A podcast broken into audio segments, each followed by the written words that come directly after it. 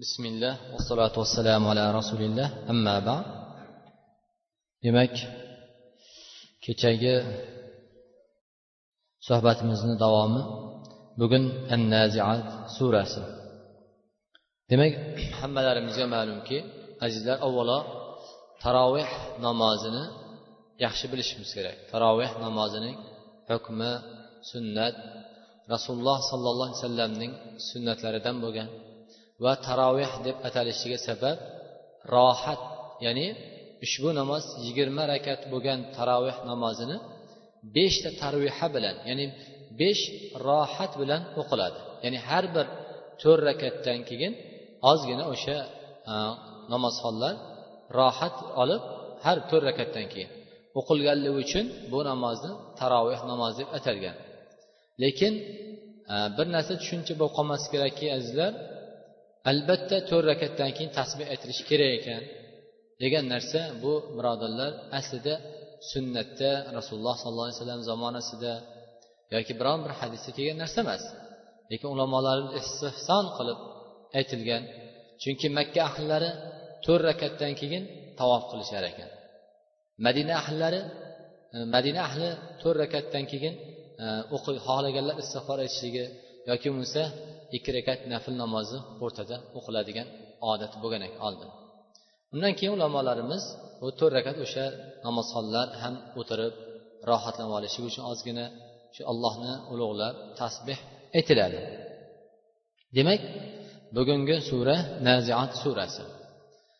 Yana hammalarimiz ma'lumki qur'oni karimda bir yuz o'n to'rtta sura bo'ladigan bo'lsa bu suralar ichida ba'zilari makkai mukarramada nozil bo'ldi. Rasululloh sollallohu alayhi vasallam makkai mukarramaligida nozil bo'ldi. Va ba'zilari madina munavvaraga hijrat qilib kelgan vaqtlarida madina nabaviyaga ba'zi bir suralar bu yerda nozil bo'ldi. Ikki surani ikki joyda nozil bo'lgan suralarni o'rtasida birodarlar ba'zi bir o'rinlarda farqlari bor. Makkada nozil bo'lgan suralar aksar suralar ya yuhannas ey odamlar ey insonlar degan xitob bilan nozil bo'ldi. Sababi bu yerda makka mushriklari kofirlari ular ko'p iymonga keltirgan odamlar emas edi. Ko'pi iymon keltirmagan edi makka ahllari juda musulmonlar soni juda ham oz edi. Shuning uchun ham rasululloh o'n necha yil da'vat qilgan bo'lsa makka mukarramada faqat saksonta atrofidagi ya'ni yuzta atrofidagi insonlar iymonga keldi birodarlar. Mana shuning uchun ham alloh subhanaa taolo makka mukarramada nozil qilgan suralar aksari allohga iymon keltirishlik. Allohning ulug'iyatiga iymon keltirishlik va oxirat kuniga iymon keltirishlik masalasida edi va makka mushriklari ular allohning iloh ekanligida rububiyatligida iymon keltiradi. Rububiyatligida ular ham iqror bo'ladi lekin allohning iloh ekanligida ibodatligida va allohga kim ibodat qilmaydigan bo'lsa allohga iymon keltirmasa hisob kitob kunida ular azoblanishligi haqidagi xabarlar nozil bo'lgan edi. Madina munavvarada nozil bo'lgan suralar ular ko'p ahkomlar islomdagi hukmlar madina munavvarada. Va madina munavvarada nozil bo'lgan sura amanu ey mo'minlar deb xitob qilinadi juda ko'p oyatlar. Chunki endi madina munavvarada islom ya'ni izzatda quvvatda quvvatlangan edi. Mana shundoq suralardan demak an naziat surasi ham makkai mukarramada nozil bo'lgan sura. Bismillahi rohmanir rohim va naziati g'arqo va nashitoti nashto bu alloh subhanahu alloh subhanava taolo demak qasam harfi bilan boshlab qasam ichib va naziati g'arqo ya'ni farishtalarga qaysiki u farishtalar kofirlardan qattiq jon olishda ularni xuddi badanlaridan miqni sug'urib olgandek alamlik bir azob bilan oladigan farishtalarga qasam. Va yana farishtalarga qasamki ular mo'minlarning jonini oladigan farishtalar. Ular ularning jonini olganda rohat bilan hech bir qanday bir alam emas faqat rohat bilan jon oladigan mo'minlarning jonini oladigan farishtalarga qasam. Yana bular farishtalarga qasam chunki farishtalar allohning yeru osmonda amrini bir amriga tayyor bo'lib turgan va amrini so'zsiz itoat qiladigan yer yuzida kezib yuradigan olloh iroda qilgan xohlagan narsasini itoatida bo'ladigan amriga shay turgan farishtalarga qasam.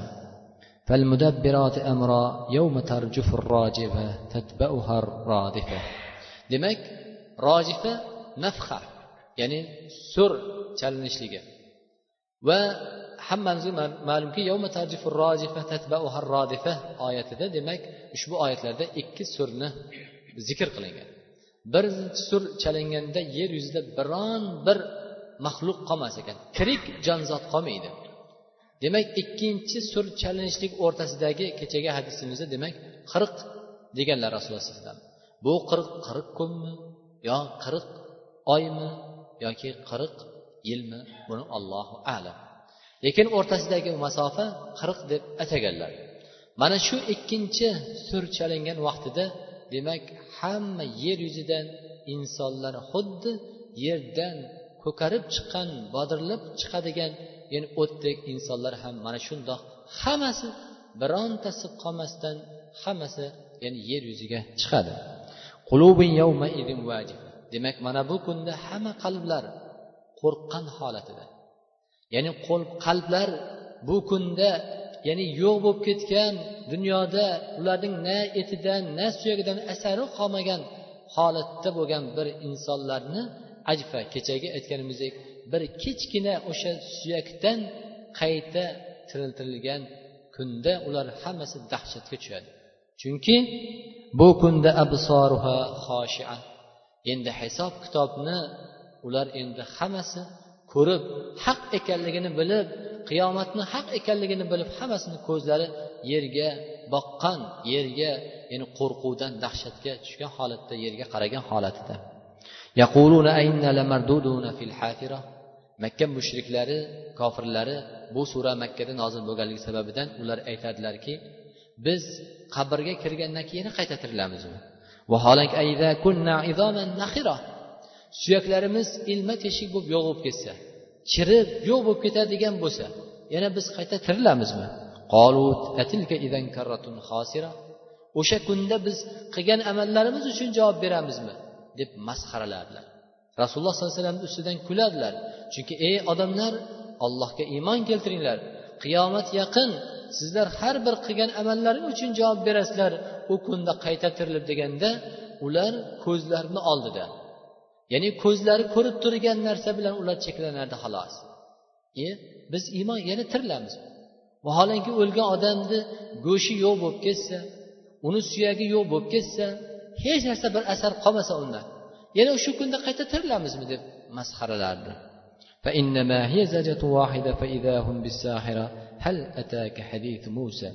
demak ana bu kunda yer tekis bo'lgan kunda bir qichqiriq bilan ya'ni bir naf sur chalinishligi bilan hamma qayta tiriladigan kunda ya'ni alloh subhana taolo indor qildi bandalarni sizu bizlarni va undan keyin hal ataka hadis musa muso alayhissalomni qissalarini fir'avn la'natulloh alayhini o'rtasida bo'ladigan qissalarni alloh subhana taolo bayon qildi nima uchun rasululloh sollallohu alayhi vasallamga tasalli berib. Chunki rasululloh birodarlar bir o'zingizni yaqiningizga o'zingizni birodaringizga yoki akangizga yo ukangizga yoki farzandingizga birodarlar gapiradigan bo'lsangiz bir ishga buyurib allohni amriga buyuradigan bo'lsangiz allohni nahiysidan qaytaradigan bo'lsangiz birodarlar masxaralanadi odam. Odam ustingizdan kuladi.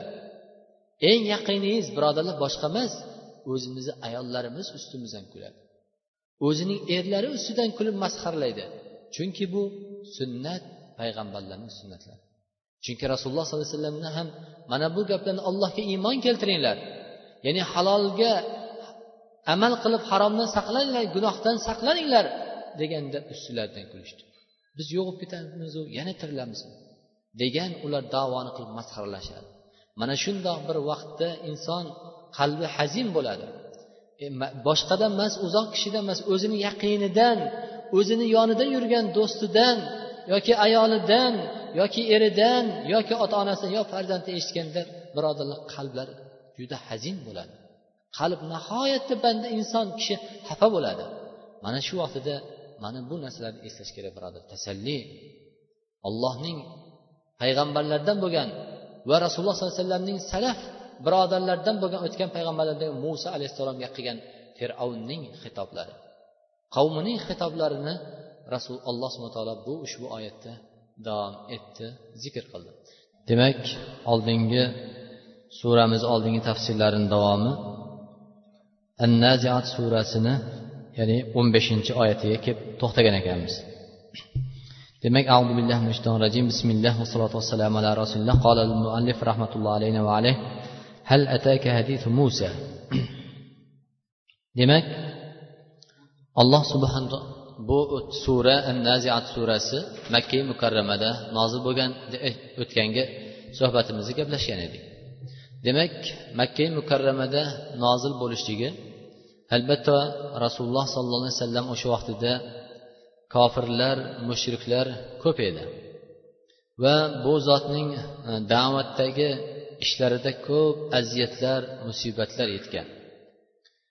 Va alloh subhanava taolo ushbu surani oyatlarida rasululloh sollallohu alayhi vasallamga tasalli berib chunki payg'ambarimiz muhammad sollallohu alayhi vasallam makka mukarramada bo'lgan vaqtlarida ko'p aziyatlar topgan. Ya'ni odamlarga ey odamlar ya yuhannas qulu la ilaha illalloh tuflihu. Ey odamlar la ilaha illalloh denglar najot topasizlar degan kalimasi uchun birodarlar juda ko'p aziyat tortgan hatto o'zlarining amakilari abu lahab va o'zining yaqinlaridan o'zining qarindoshlaridan ko'p aziyatlari zulmlar topgan. Hatto bu zotning makkai mukarramadagi holatida amakilari abu tolib vafot qilgandan keyin ayollari hadicha onamiz roziyallohu anhu vafot qilganlaridan keyin rasululloh sollallohu alayhi vasallam ko'p yolg'izlanib qoldi. Bu zotni qo'llab quvvatlaydigan odami ya'ni bunaqangi bo'lmadi endi. Va makka kofirlari mushriklari rasululloh sollallohu alayhi vasallam da'vatida qoyim bo'lib turgan vaqtida bu zotning qabilasidan hammasi aloqani uzdi. Ya'ni hech kim bu ya'ni quraysh qabilasi payg'ambarimiz sallallohu alayhi vasallam qabilasiga oldi sotdi qilmasin. Ular bilan gaplashmasin.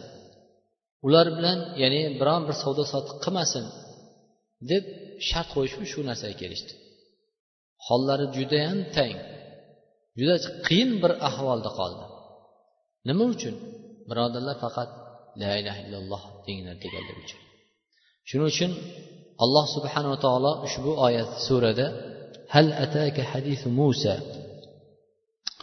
Ya'ni payg'ambarimiz sollallohu alayhi vasallamga muso alayhissalomning haqidagi qissalarni keltirdilar. Ya'ni musoning xabari musoning qissalari fir'avn la'natulloh alayhi bilan bo'lgan qissalarni alloh subhana taolo bayon qildi. Ya'ni muso alayhissalom bilan alloh subhanava taolo bevosita ya'ni parishasi jibril alayhissalom payg'ambarlar bilan alloh subhanava taolo o'rtasidagi elchi jibril alayhissalom. Demak muso alayhissalom mana shu jibril alayhissalomsiz olloh bilan bevosita ya'ni muloqotda bo'lgan.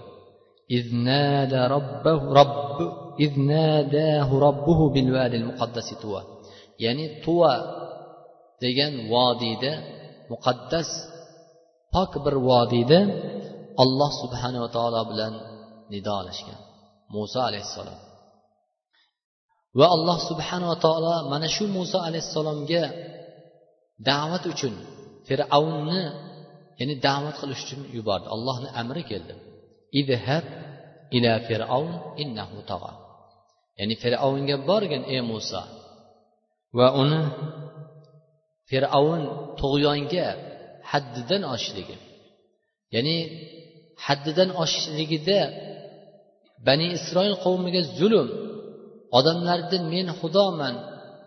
Menga ibodat qilasanlar hatto fir'avn o'ziga ibodat qilgan o'zini mulkidagi o'ziga ibodat qilgan odamlarga ya'ni non yeyish taomni berar ekan agar ibodat qilmasa bermaydigan bermas ekan.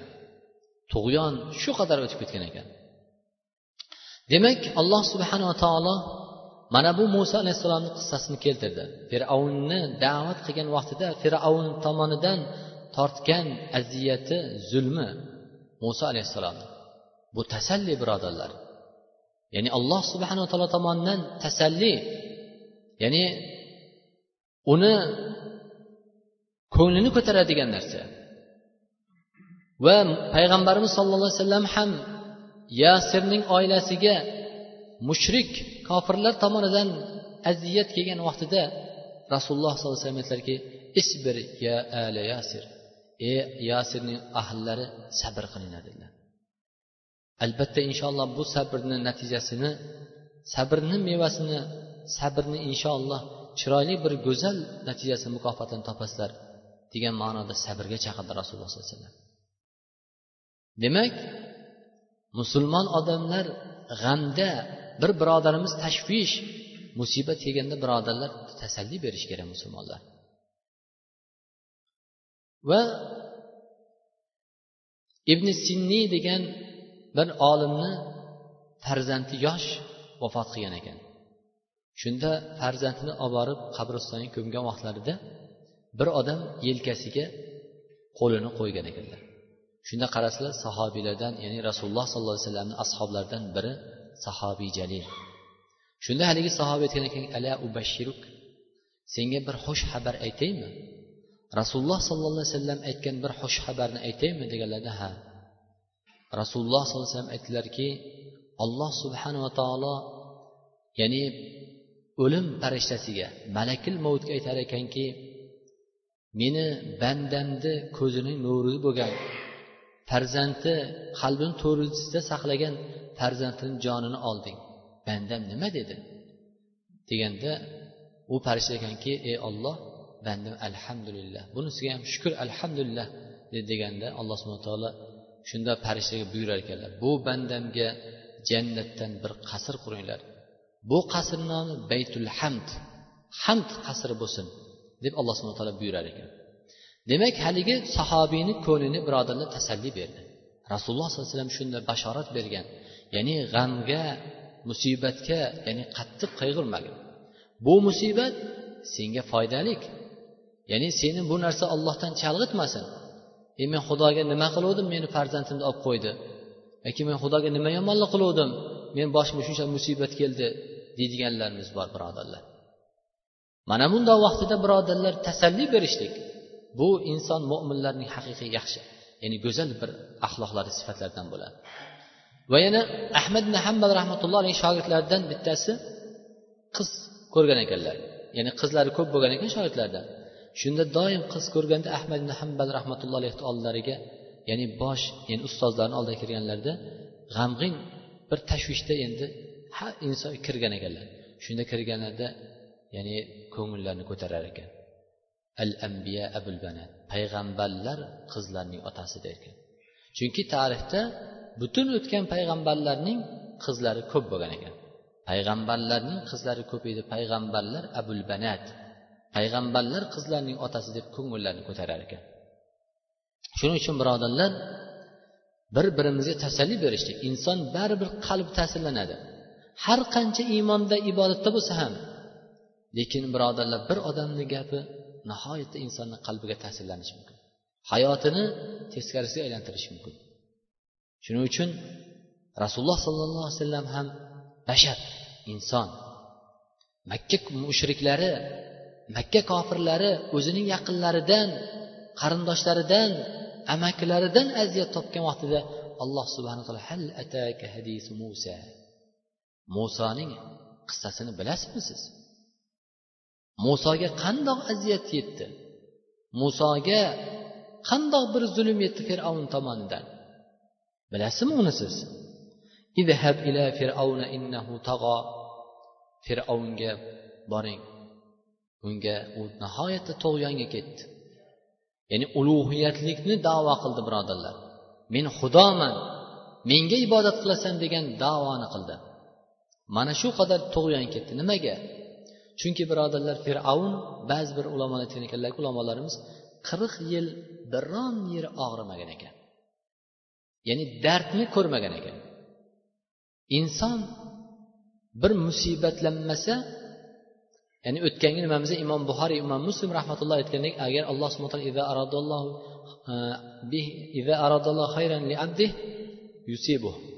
au e, qala agar alloh subhan taolo bir bandasiga yaxshilikni ravo ko'radigan bo'lsa musibatlantirib qo'yadi ya'ni biron joyda og'rimagan ekan dard nima ekanligini bilmagan ekanlar.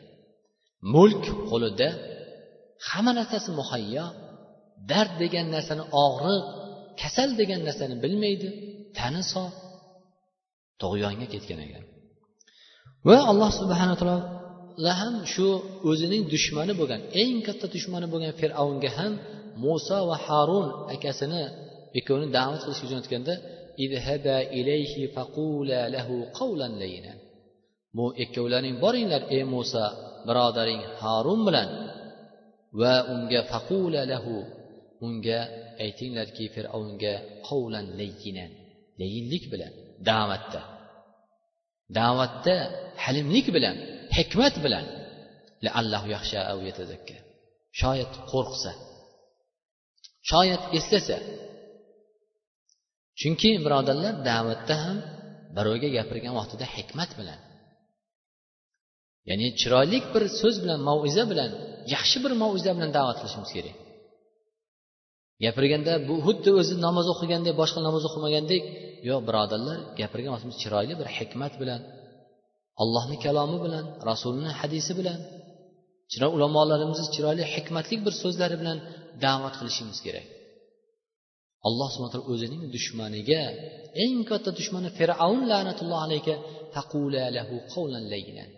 ya'ni layyin bir shirin ya'ni halimlik bilan yetkazinglar dedilar. Faqul hallaka an tazakka. Ayt ey muso bu fir'avnga senga ya'ni bir itoat qiladigan ya'ni allohga itoat qiladigan allohga tavba qiladigan. Fayasiru qalbuk ya'ni e, hallaka an tujab ila tariqatin va maslakin tazakka bihi. Ya'ni qalbingni poklaydigan bir sen itoat qiladigan bir yaxshi yo'lni ko'rsataymi deb aytgin unga. Vahdika ila robbik ya'ni robbingga ibodat qiladigan ya'ni seni yaratgan bu mulkingni bergan seni taningni sog' qilib qo'ygan seni bu yaratib chiroyli bir shaklda chiroyli qilib yaratib qo'ygan ulug'lab qo'ygan robbingga ibodat qiladigan yo'lni ko'rsatayinmi fataxsha فيسير قلبك خاضعا له مطيعا خاشعا بعدما كان قاسيا خبيثا بعيدا من الخير ya'ni qalbing habis ya'ni barcha yaxshilikdan yiroq bo'lgan qalbing shoyat allohning itoati bilan allohning da'vatiga javob berishlik bilan shoyat bu qalbing qo'rqadigan ya'ni qalbing pok bo'lsa. Chunki fatahsha deganda va ahdika ila robbik ollohni yo'liga itoat qilishi qiladigan va ollohni haq yo'lni ko'rsatadigan yo'lga dalolat qilgandan keyin birodarlar bilgandan keyin qalb qo'rqadi. Chunki qalb qachon qo'rqadi? Qalb bilgandan keyin qo'rqadi. Agar qalb bilmaydigan bo'lsa birodarlar qalb qo'rqmaydi. Chunki alloh subhana taolo innama yaxshalloha min ibadihi al ulama ya'ni ollohdan qo'rqadigan qalb egalari bu bandalarni ichidan ulamolar dedilar. Alloh subhana taolo olimlar. Chunki qachon inson olim bo'ladi. Bir narsani bilgandan keyin o'sha narsaga amal qilsa u olim bo'ladi. Demak bilgandan keyin unga amal qilgandan keyin bandaning qalbida qo'rquv kelar ekan.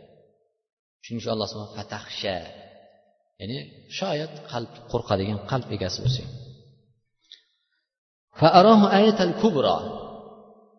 Muso alayhissalomga alloh subhana taolo ko'p mo'jizalarni berdi birodarlar. Fir'avnning zamonasida sehr nihoyatda keng tarqagan. Sehr shunaqangi bir cho'qqisiga chiqqan ekanki muso alayhissalom fir'avnning huzuriga kelib mo'jizani olloh tomonidan muso alayhissalomga berilgan mo'jizani ko'rsatgandan keyin fir'avn endi o'zini sehrgarlarini to'plagan ekan. Sehrgarlarini to'plab bir katta bir maydonda bu muso alayhissalomni o'rtasidagi bir munoqasha uchun to'plagan vaqtida ular o'zlarining ya'ni arqonlardan tashlagan vaqtida sehrgarlari fir'avnning sehrgarlari. Shunaqangi haligi katta bir ilonlar bo'lib to'lib ketgan ekan.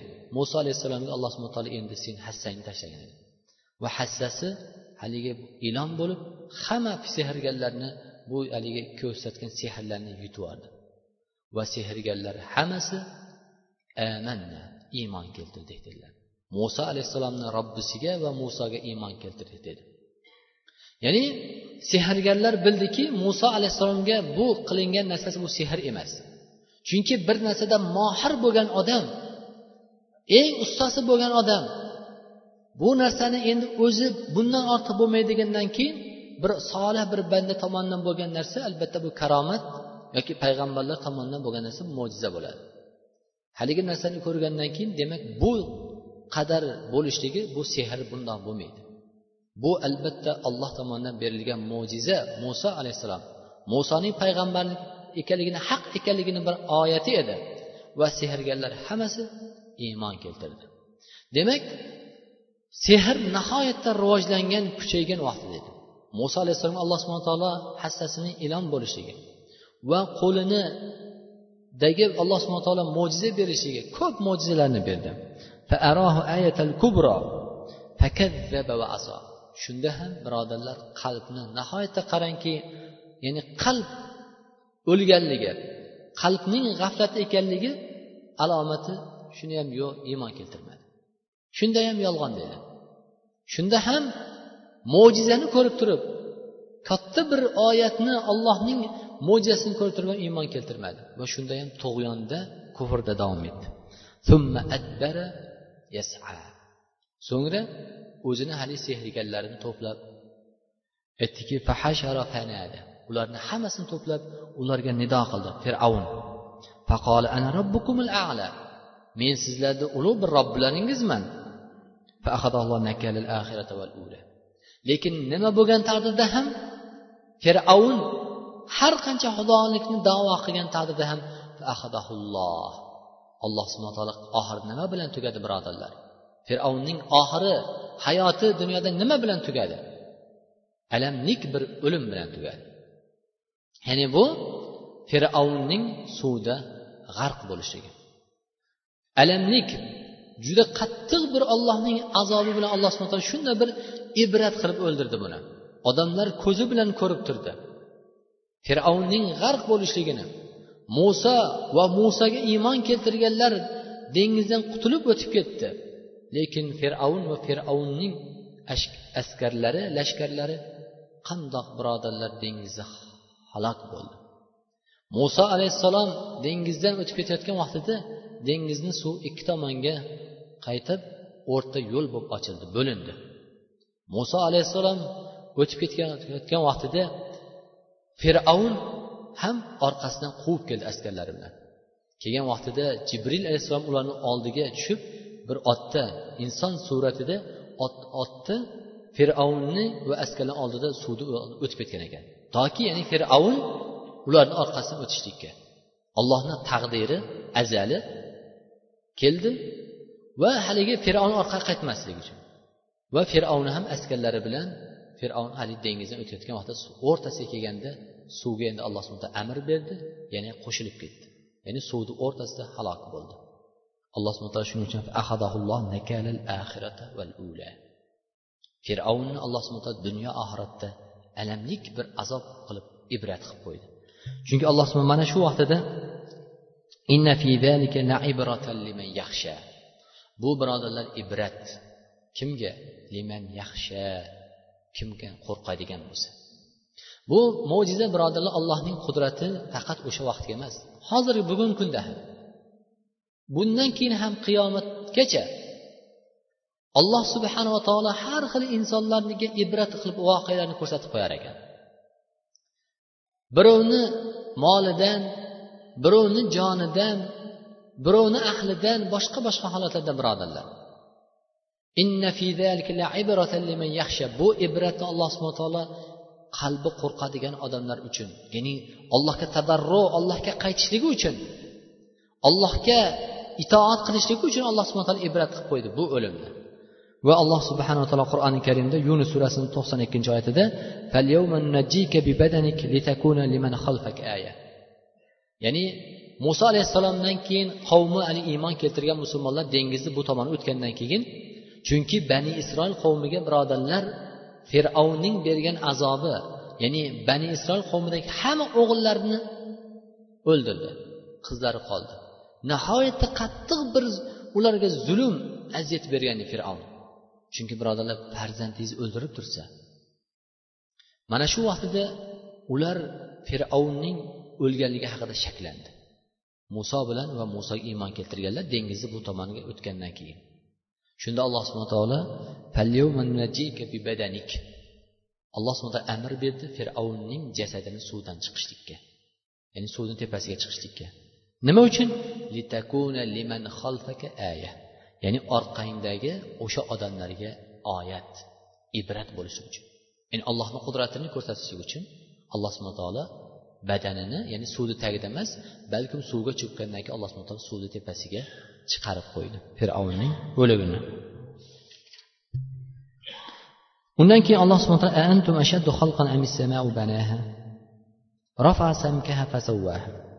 alloh subhanava taolo qiyomat kunida qayta tirilishga va qayta yaralishga munkir ya'ni inkor qilgan bandalarga alloh subhana taolo antum ayyuhannas ey odamlar ashaddu xalqan amisama ya'ni sizlarni yaratish qaytadan qiyinmi? Bal vaholanki osmonni yaratish shundoq ulug' buyuk bir katta bir maxluqoti bo'lgan osmonni alloh subhana yaratib qo'ydiku birodarlar na ustuni bor na uni birov ko'tarib turadi. Shuncha bir ulug' narsani yaratib qo'ygan maxluqni yaratgan zot sizlarni qayta tiriltib qo'yishga qodir emasmi? رفع سمكها فسواها. ya'ni la xalqu samavati ard akbar min xalqin nas osmonlar va yerning yaratilishligi bu insonlarning yaratilishligidan ulug'dir rafa samka fasavva ey ja'ala aliyatan bina osmonni osmonga ko'tarib yuqori qilib oliy qilib uni alloh subhana tekis qilib va kechasi yulduzlar bilan ziynatlab qo'ygan zot shundoq katta ulkan narsani yaratib qo'ydi osmonda. Va kechani kechani qarasangiz kecha osmonga qaraydigan bo'lsangiz birodarlar qop qora zulmat. Agar yulduzlar ko'rinmaydigan bo'lsa qop qora zulmat qilib qo'ydi. Va axroja duhaha va kunduz kunini osmonga qaraysiz birodarlar oppoq ya'ni nur taratib turadi yoritib turadi. Va yerni alloh subhana axraja minha maaha va mar'aha. Yerdan suvni chiqarib qo'ydi. Yerdan o'tlarni chiqarib qo'ydi. Yerdan sizni biza yeyotgan shirin shakarli bir lazzatli bir mevalarni alloh subhana yaratib qo'ydi. Rizqlarimizni alloh subhana yaratib qo'ydi. Axroja minha maaha va mar'aha. Val jibala arsaha. Alloh subhana tog'larni ulkan ulug' katta tog'larni alloh subhana yaratib qo'ydi. Buncha toshlarni yaratib baland qilib qo'yishligi birodarlar ko'zimiz bilan shuncha narsani kim yaratib qo'ydi? Alloh subhana taolo. Demak tog'ni yerni yaratgan vaqtida yer titragan vaqtida tog'ni alloh subhana taolo yerni mustahkam holatda ushlab turish uchun alloh subhana tog'ni yaratgan ekan. Mataallakum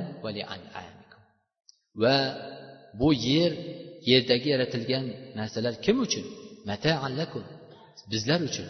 Sizlar uchun men yaratdim bu narsani.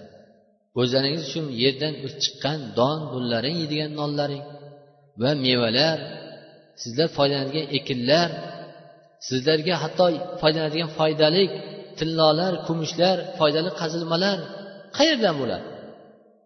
Bular hammasi val arda ba'da zalika dahaha yerdan birodarlar. Alloh subhanahu yerdan chiqarib qo'ydi bu narsalarni yerni tekis qilib sizu bizlarni qaror topadigan qilib alloh subhana yaratib ularni bizga muhayyo qilib qo'ydi. Faqat bizga emas birodarlar hayvonlarimizga ham ulovlarimizga mollarimizga qo'ylarimizga. Sizu bizlar mazza qilib yeyotgan go'shtlarini yeyotgan shirin go'shtlarini yeyotgan bu hayvonlarni ham rizqlarni qayerdan yerdan alloh subhana taolo yaratib qo'ydi? Chunki alloh ahroja minha maaha va mar'aha ya'ni alloh subhana taolo bu yerdan suvni chiqardi. Va o'simlik undan keyin mevalar sizu bizlarni ko'zlarimizni ishontiradigan yam yashil o'tlar bog'lar bog' bo'stonlar alloh subhana taolo nima? Mana shu yerda qilib qo'ydi. Demak alloh subhana taolo bu qudratini dalolat qilib hammalarimizga ibrat bo'lishi uchun. Azizlar ko'pchiligimiz ha bu narsa ibrat bo'ladi deymiz. Yoki bo'lmasa ya bu nima? Biz qur'onni yo sunnatni tushunmaymiz. Voqeani aytib bersa birodarlar bir qissani aytib bersa odamlar yig'laymiz. Lekin eng yaxshi qissa allohni kalomini eshitganda birodarlar qalblar erimaydi. Bu albatta iymonning zaifligini alomati chunki alloh subhanava taolo qur'oni karimda innamal mu'minuna allazina idza zukir idza zukiralloh وجلت قلوبهم وإذا تليت عليهم آياته زادتهم إيمانا albatta mo'minlar ida zikiralloh agar olloh zikr qilinadigan bo'lsa qalblari qo'rqadi qalblari titraydi va ida tuliyat alayhim ayatu zadatum iman agar allohni oyatlari tilovat qilinsa allohni kalomini o'qiydigan bo'lsa qur'oni karim yoki eshitadigan bo'lsa iymonlari ziyoda bo'ladi dedi sahobalarni sizu bizlar havas bilan eslaydigan sizu bizlar havas qiladigan hayotlarni saodat degan sahobalar tobeinlar birodarlar shu qur'on shu sunnatdan vujudga keldi. Shuning uchun eng yaxshi alloh subhana taoloni kalomini hammalarimizga o'qishlikka va eshitishlikka alloh muvaffaq qilsin. Va alloh birodarlar agar qalb ollohni kalomi bilan layin halim bo'lmasa ollohni kalomi bilan hidoyat topmasa allohni kalomi bilan bu qalb shifolanmaydigan bo'lsa birodarlar boshqa shifo yo'q. Faqat qalbning shifosi allohni kalomidir. Qalbni eritadigan qalbni musaffo qiladigan poklaydigan qalbni iymon nuri bilan to'ldiradigan bu allohni kalomidir. Demak ushbu kalomiga alloh hammalarimizni kechayu kunduz tilovat qilishlikka alloh hammalarimizga nasib aylasin. Imom muslim o'zining sahih muslim kitoblarida ummu salama roziyallohu anhudan bir hadisni rivoyat qilgan ekanlar bu hadisda ummu salama roziyallohu anhu aytadilarki سمعت رسول الله صلى الله عليه وسلم يقول ما من عبد تصيبه مصيبة ya'ni bir qaysi bir bandani agar boshiga bir musibat kelsa fayaqul u kishi aytsaki haligi musibatlangan kishi inna lillahi va inna ilayhi rojiun allohimma ajin ajinni fi musibati vaxlufni xayran minha. Ey parvardigora bu musibatdan meni qutqargin. Buni evaziga menga olloh ya'ni yaxshisini bergin. Men uchun foydali narsani bergin bu musibatimni evaziga degan duoni aytsa illa ajrahullohu va axlafahu xayran minha. Illa alloh subhanava taolo bu musibatdan bu bandasini qutqaradi. Va o'rniga olloh yaxshisini beradi. Albatta alloh subhana taolo yaxshisini beradi deb aytgan ekanlar. Mana shu hadisni demak rivoyat qilgan ummu salama roziyallohu anha ummul mo'minin bo'lmasdan oldin eshitganlar payg'ambarimizdan. Vaqtiki bu zotning ya'ni sahobiyani ummu salamani roziyallohu anhuning erlari vafot qilganlarida abu salama fe'lan shu hadisni hayotiga tadbiq qilgan ekan birodarlar. Shu rasulullohning sallallohu alayhi vasallamni boshiga musibat yetganda degan bu hadislarini so'zlarini tadbiq qilgan ekanlar. Ya'ni inna lillahi va inna ilayhi rojiun. Allohma ajirni fi musibati vahlufni xayran minha. Mana shu duoni aytgan ekanlar. Mana shu duoning aytganligi va bunda sodiq bo'lganligi birodarlar bu zotga dunyo oxirat saodatini berdi alloh subhana taolo ya'ni qaysiki abu salama. Birodarlar erlari ikki hijrat egasi habashistonga hijrat qilgan muhojir bo'lgan va madinati nabaviyga hijrat qilgan muhojir bo'lgan zot.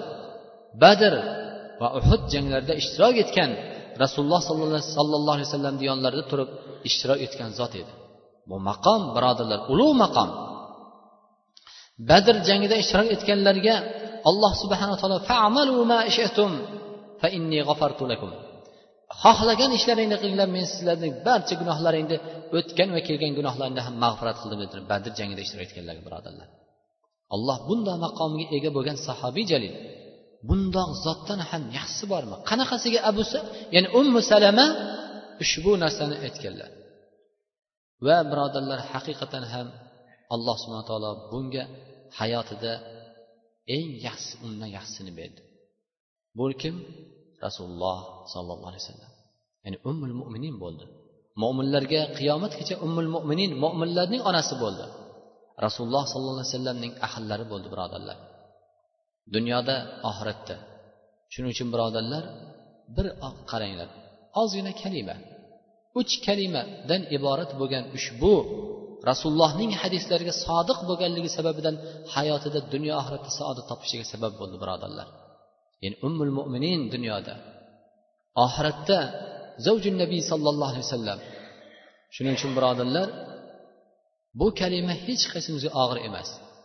Lekin bu hadisdan murod nima? Hayotimizda hammalarimiz o'qiyotgan qur'onlar qur'onimiz eshitayotgan bu tilovat qur'on va o'qiyotgan hadislarimiz birodarlar ko'pini agar biz haqiqatan ham hayotimizga tadbiq qiladigan bo'lsak birodarlar dunyo oxirat sodiq bitta hadis sabab bo'lib qolishi mumkin. Bu kalima birodarlar hech og'ir emas. Inna lillahi va inna ilayhi rojiun. Allohma ajini fi musibati vahlufni khayran minha. Kimga og'ir bu birodarlar? Hech kimga og'ir emas. Tilga ham og'ir emas. Lekin birodarlar qachon? Bu odamga nasib etadi bu narsa. Sodiq bo'lsa. Sodiq odamga haqiqiy mo'min odamga og'ir emas birodarlar. Lekin ilm bo'lmasa bilmasak bu narsani bu narsani sodiq bo'lmasak buni aytishda alloh subhana taolo bizga birodarlar bu mukofotni bermaydi buni evaziga beriladigan mukofotni shuning uchun oddiy misol hadis. Rasululloh sollallohu alayhi vasallam bani odam har bir inson qornini uch qismga bo'lishi kerak. Bir qismi suvga bir qismi taomga bir qismi havoga dedi. Va biz aytdilarki rasululloh sallallohu alayhi vasallam nahnu qavmun la nakul hatta najo fa idza akalna la nashba. Biz shundoq qavmmizki bu ummat taom yemaymiz toki qornimiz ochmagungacha dedilar. Agar qornimiz ochadigan bo'lsa qornimizni to'ldirmaymiz dedilar. Bugungi kunda birodarlar tibbiyot ham mana agar ahli tibbiyotlar bor ya'ni ko'pchiligimiz xabardormiz. Va shu egalari bor mutaxassislar birodarlar ko'pgina kasalliklar mana shu bitta hadisga amal qilmasligimiz nafsimizga kirib va ko'pgina birodarlar ibodatdan g'aflatda qolishligimiz mana shu hadisga amal qilmasligimiz qorin to'yganda insonni uyqu kelishligi dangasaligi insonning ziyrak ya'ni insonning miyasidagi ko'p ziyrakliklar faqat o'sha ovqatni hazm qilishib ketishligi. Ibodatda turishligimizda tetik bir ziyrak bir holatda turmasligimizni sabab birodarlar. Kechalari tahajjudga turolmaslik birodarlar sababi mana shu narsa birodarlar. Va ko'pgina kasalliklarning so'raydigan bo'lsangiz aksari kasalliklarning asosiy sababi xuddi mana shu narsa kelib chiqadi. Ovqatda sunnatga oddiy bir hadisga biroz amal qilmasligimiz. Lekin qancha qancha pullarni sarflaymiz. Qancha dardlar alamlarni tortamiz birodarlar. Lekin bitta shu hadisga amal qilmaymiz. Qisqagina hadis birodar uch qismga bo'lishlik. Agar mana shu hadisga amal qilgan odam va yeganda taom yeganda ham va rasululloh sollallohu alayhi vasallamni biz taom yemaymiz hatto qornimiz ochmagungacha agar taom qornimiz ochqadimi qornimiz to'ldirmaymiz. To'ymaymiz to'ydirmaymiz degan hadisga birodarlar jamlaydigan bo'lsak inson juda ko'p narsani rohatini topadi. Ayniqsa birodarlar keksalikda. Yoshlikda bilinmasligi mumkin lekin keksalikdagi dardlardan alloh saqlasin hammalarimiz. Mana bundoq narsalardan birodarlar olloh saqlaydi bitta hadis birodarlar. Va qancha hadislar qancha oyatlar bor. Birodarlar shuning uchun oyat hadisni eshitganda fahm bilan bu qur'onning hadisni birodarlar eshitib qo'yishlik uchun emas balkim bizga amal qilish uchun alloh subhana taolo nozil qildi. Albatta hammalarimizga ma'lumki birodarlar har bir mo'min odam e, mo'min bo'lmaydiki toki iymon uni tilida va qalbida va a'zolarida shu narsa ya'ni oshkor bo'lmagungacha ya'ni e'lon bo'lmagungacha u odam haqiqiy mo'min bo'lmaydi. Shu ma'noda demak har bir mo'min odam bir narsaga birodarlar nihoyatda qattiq bir e'tibor berishimiz kerak. Mo'min odamda xavf va rajo ya'ni qo'rquv va umid ikkovi barobar bo'lishi kerak. Alloh subhanava taolodan qo'rquv ham barobar rajo bilan teng bo'lishi kerak. Bir odamda agar qo'rquv ko'payib ketsa allohning azobidan allohning g'azabidan bu ham bu odamni ko'p o'zining mashaqqatga qo'yishiga sabab bo'ladi. Yoki bo'lmasa bir odamda rajo umid ko'payib ketadigan bo'lsa qo'rquvga nisbatan bu odam ham juda ko'p amallardan beparvo bo'lib qoladi. Ya'ni ko'p amallardan xotirjam bo'lib qoladi. Alloh subhana taolo bergan ne'matlar umrlariga ilm boshqa sog'lik boshqa boshqa ne'matlardan ya'ni xotirjam bo'lib o'yin kulgu bilan o'tishga sabab bo'lib qoladi. Shuning uchun mo'min odam qo'rquvni birodarlar ollohdan va rajoni barobar olib yurish kerak. Chunki hadeb qo'rquv odamlarga qo'rquv allohni azobidan allohni g'azabidan jahannamdan gapiraversa odamlarda qo'rquv kelib dunyo ne'matlaridagi rohat yo'qolib qolishi mumkin. Va odamlarda har umid sizlar bitta xurmo bersalar ham yoki bitta suv bir qultum suv bersalar ham yoki yo'lda shaxta olib qo'ysalaring jannat ahlarsan deb gapiraversangiz odamlar ko'p solih amallardan beparvo bo'lib g'aflatda o'tib yaxshi bo'lmaydi bu ham.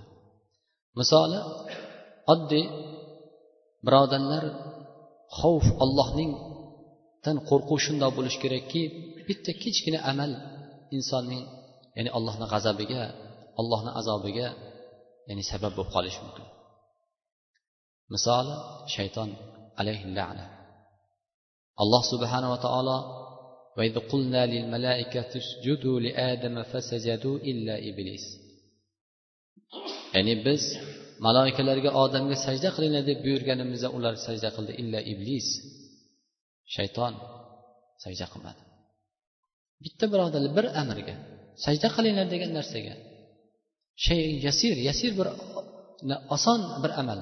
Sajda qiling deb buyurganda faqat bitta shayton sajda qilmadi. Mana shu sajda qilmasligi birodarlar dunyo oxiratda alayhi lana malun bo'lib qolishiga sabab bo'ldi. Allohning azobiga. Va buni aksichi rajo. Alloh birodarlar nihoyatda rahmdil zot. Nihoyatda mehribon zot. Va xuddi shuningdek oysha onamiz roziyallohu anhu aytadilarki bir kun men uyda o'tirganimda bir ayol ikkita qizi bilan sadaqa so'rab keldi. Uyimizda sadaqaga beradigan hech narsa yo'q edi. Uch dona xurmo bor edi. Shu xurmoni haligi ayolga berdim ya'ni sadaqa so'rab kelgan ayolga.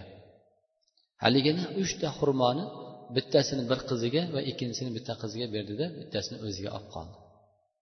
Haligi qizlari qorni och faqirlik muhtojlik yeb bo'lishib ayol hali yemasdan oldin qizlari yeb bo'ldida haligi onasini qo'lidagi bir dona qolgan xurmoga ham talpindi.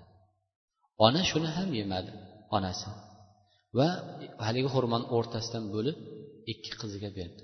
Man bu narsani ko'rib ajablandim ajab hayronda qoldim va rasululloh sollallohu alayhi vasallam keluvdilar bu voqeani aytib berdi.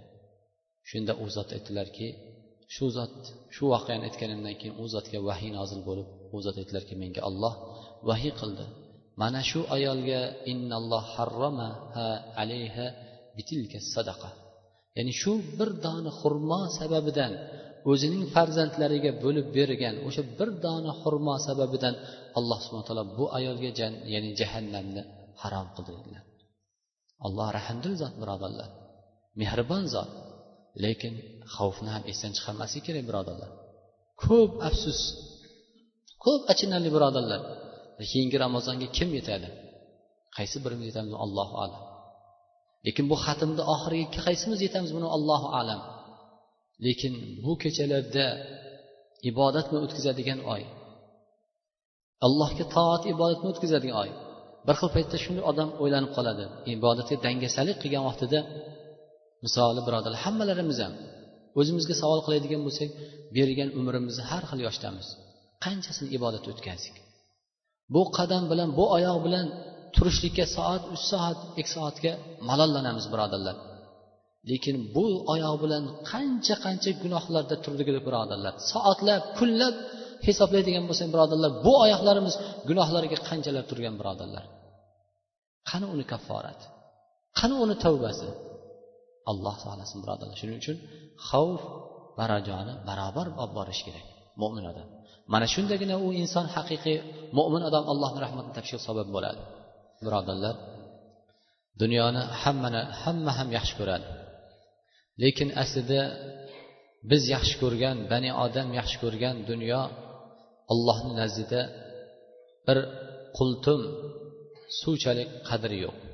Chunki rasululloh sollallohu alayhi vasallam aytdilarki agar dunyoni allohni huzurida bir qadr qiymati bo'lganda edi kofirlar bir qultum suv ichmasdi. Ya'ni alloh subhana taolo o'zining eng ashaddiy dushmani olloh bordan yo'qdan bor qilib yaratib chiroyli qomat qancha ne'matlar bilan olloh mukarram qilib qo'ygan bani odam o'zini yaratgan robbisiga isyon qilib turgan shundoq kofirga bir qultum suvni agar olloh bermas. Shu ma'noda keltirgan ekanlarki dunyo hamma uchun dushman. Dunyo hammaga barobar dushman birodar. Hatto alloh subhanava taologa. Chunki alloh subhanava taologa dushmanligi allohni ko'p bandalarini allohga ibodat qilishidan to'sadi. Hatto mo'minlarni ham. Allohni haqiqiy haqqini ado qilishlikda bu dunyo to'sadi ular. Va solihlarni uchun dushman. Dushmanligi dunyo o'zini ziynati bilan o'zini chiroyi bilan o'zini ko'rki bilan solihlarga ro'para kelganda allohni bergan rizqiga qanoat qilib achchiq og'ir bo'lgan sabrni tatib ko'radi birodarlar. Chunki dunyo hamma tomonlama o'zini ziynatlagan vaqtida moli bilan tillo kumushlar bilan shirin shakar taomlar mevalar bilan uyqu rohat maishat ayol mana bundoq narsalar bilan ro'para kelganda olloh uchun og'ir bo'lgan birodarlar nihoyatda achchiq bo'lgan sabrni o'tkazishga sabab bo'ladi birodarlar. Va hatto kofirlarga ham dushman. Hatto mushriklarga ham dunyo dushman bo'lar ekan. Qayerda? Dunyoda yurgan vaqtida maishat qilib rohat qilib shu dunyoga aldanib mol dunyoga aldanib o'zini umrini rohat shahvatini lazzatini ovora bo'lib abadiy qoladigan hayotida hech o'lim bo'lmagan oxirat hayotida jahannamga tushishligi shu dunyo sabab bo'lar ekan. Shuning uchun birodarlar ramazon oyi o'tib ketyapti. Mana o'n kuni ketdi. Sal kun o'tmasdan ramazon oyi bir oy ramazon oyi ham nihoyalanadi tugaydi. Va xususan xatm ham xatm qur'on alloh nozil qilgan o'zini kalomi ushbu muborak ramazon oyida xatm qilinyapti. Inshaalloh bu ramazon oyida qilinayotgan xatm qur'onlar ham nihoyalanadi. Tugaydi. Umrimiz bo'yi o'qimagan eshitmagan faqat shu ramazon oyida tarovehda hatm qur'on kechalarida o'qigan bu ollohni kalomini ham birodarlar nihoyalaymiz keyin ramazondan keyin kim hatm qiladi kim ollohni kalomini o'qiydi buni? Allohu alam. Shuning uchun masjidimizda ham birodarlar demak ertaga hatm qur'on ya'ni hatmona kecha ertaga nihoyalanadi. Va inshaalloh xudo xohlasa bu kechamizga e, alloh sihat salomat qilsalar tanjonlarni shayx muhammad sodiq muhammad yusuf ham inshaalloh tashrif buyuradilar alloh hammalarimiz birodarlar xususan anas ibn malik roziyallohu anhu xatm qur'on qiladigan bo'lsa butun ahllarini to'plar ekan. Farzandlarini nabiralarini to'plar ekan. Chunki xatm qur'on kechada qilingan allohni yog'ayotgan allohni rahmati barakoti bu kechada qilingan duolar birodarlar to bomdodgacha subuhgacha agar shomdan keyin bo'ladigan bo'lsa subuhgacha subuhdan keyin bo'ladigan bo'lsa to kechgacha allohni rahmati barakoti bu xatm qur'on egalariga ishtirokchilariga alloh ya'ni muyassar qilar ekan. Shuning uchun alloh subhana taolo hammalarimizni ertagacha sihat salomat qilsin. Va bu kechada allohning rahmatini barakotini topishlikka va ramazon oyida ham allohni rahmatini fazlini topishlikka alloh hammalarimizga muyassar qilsin va sallallohu alayhi vasallam muhammad alloh iymonda ibodat sobit qilsin alloh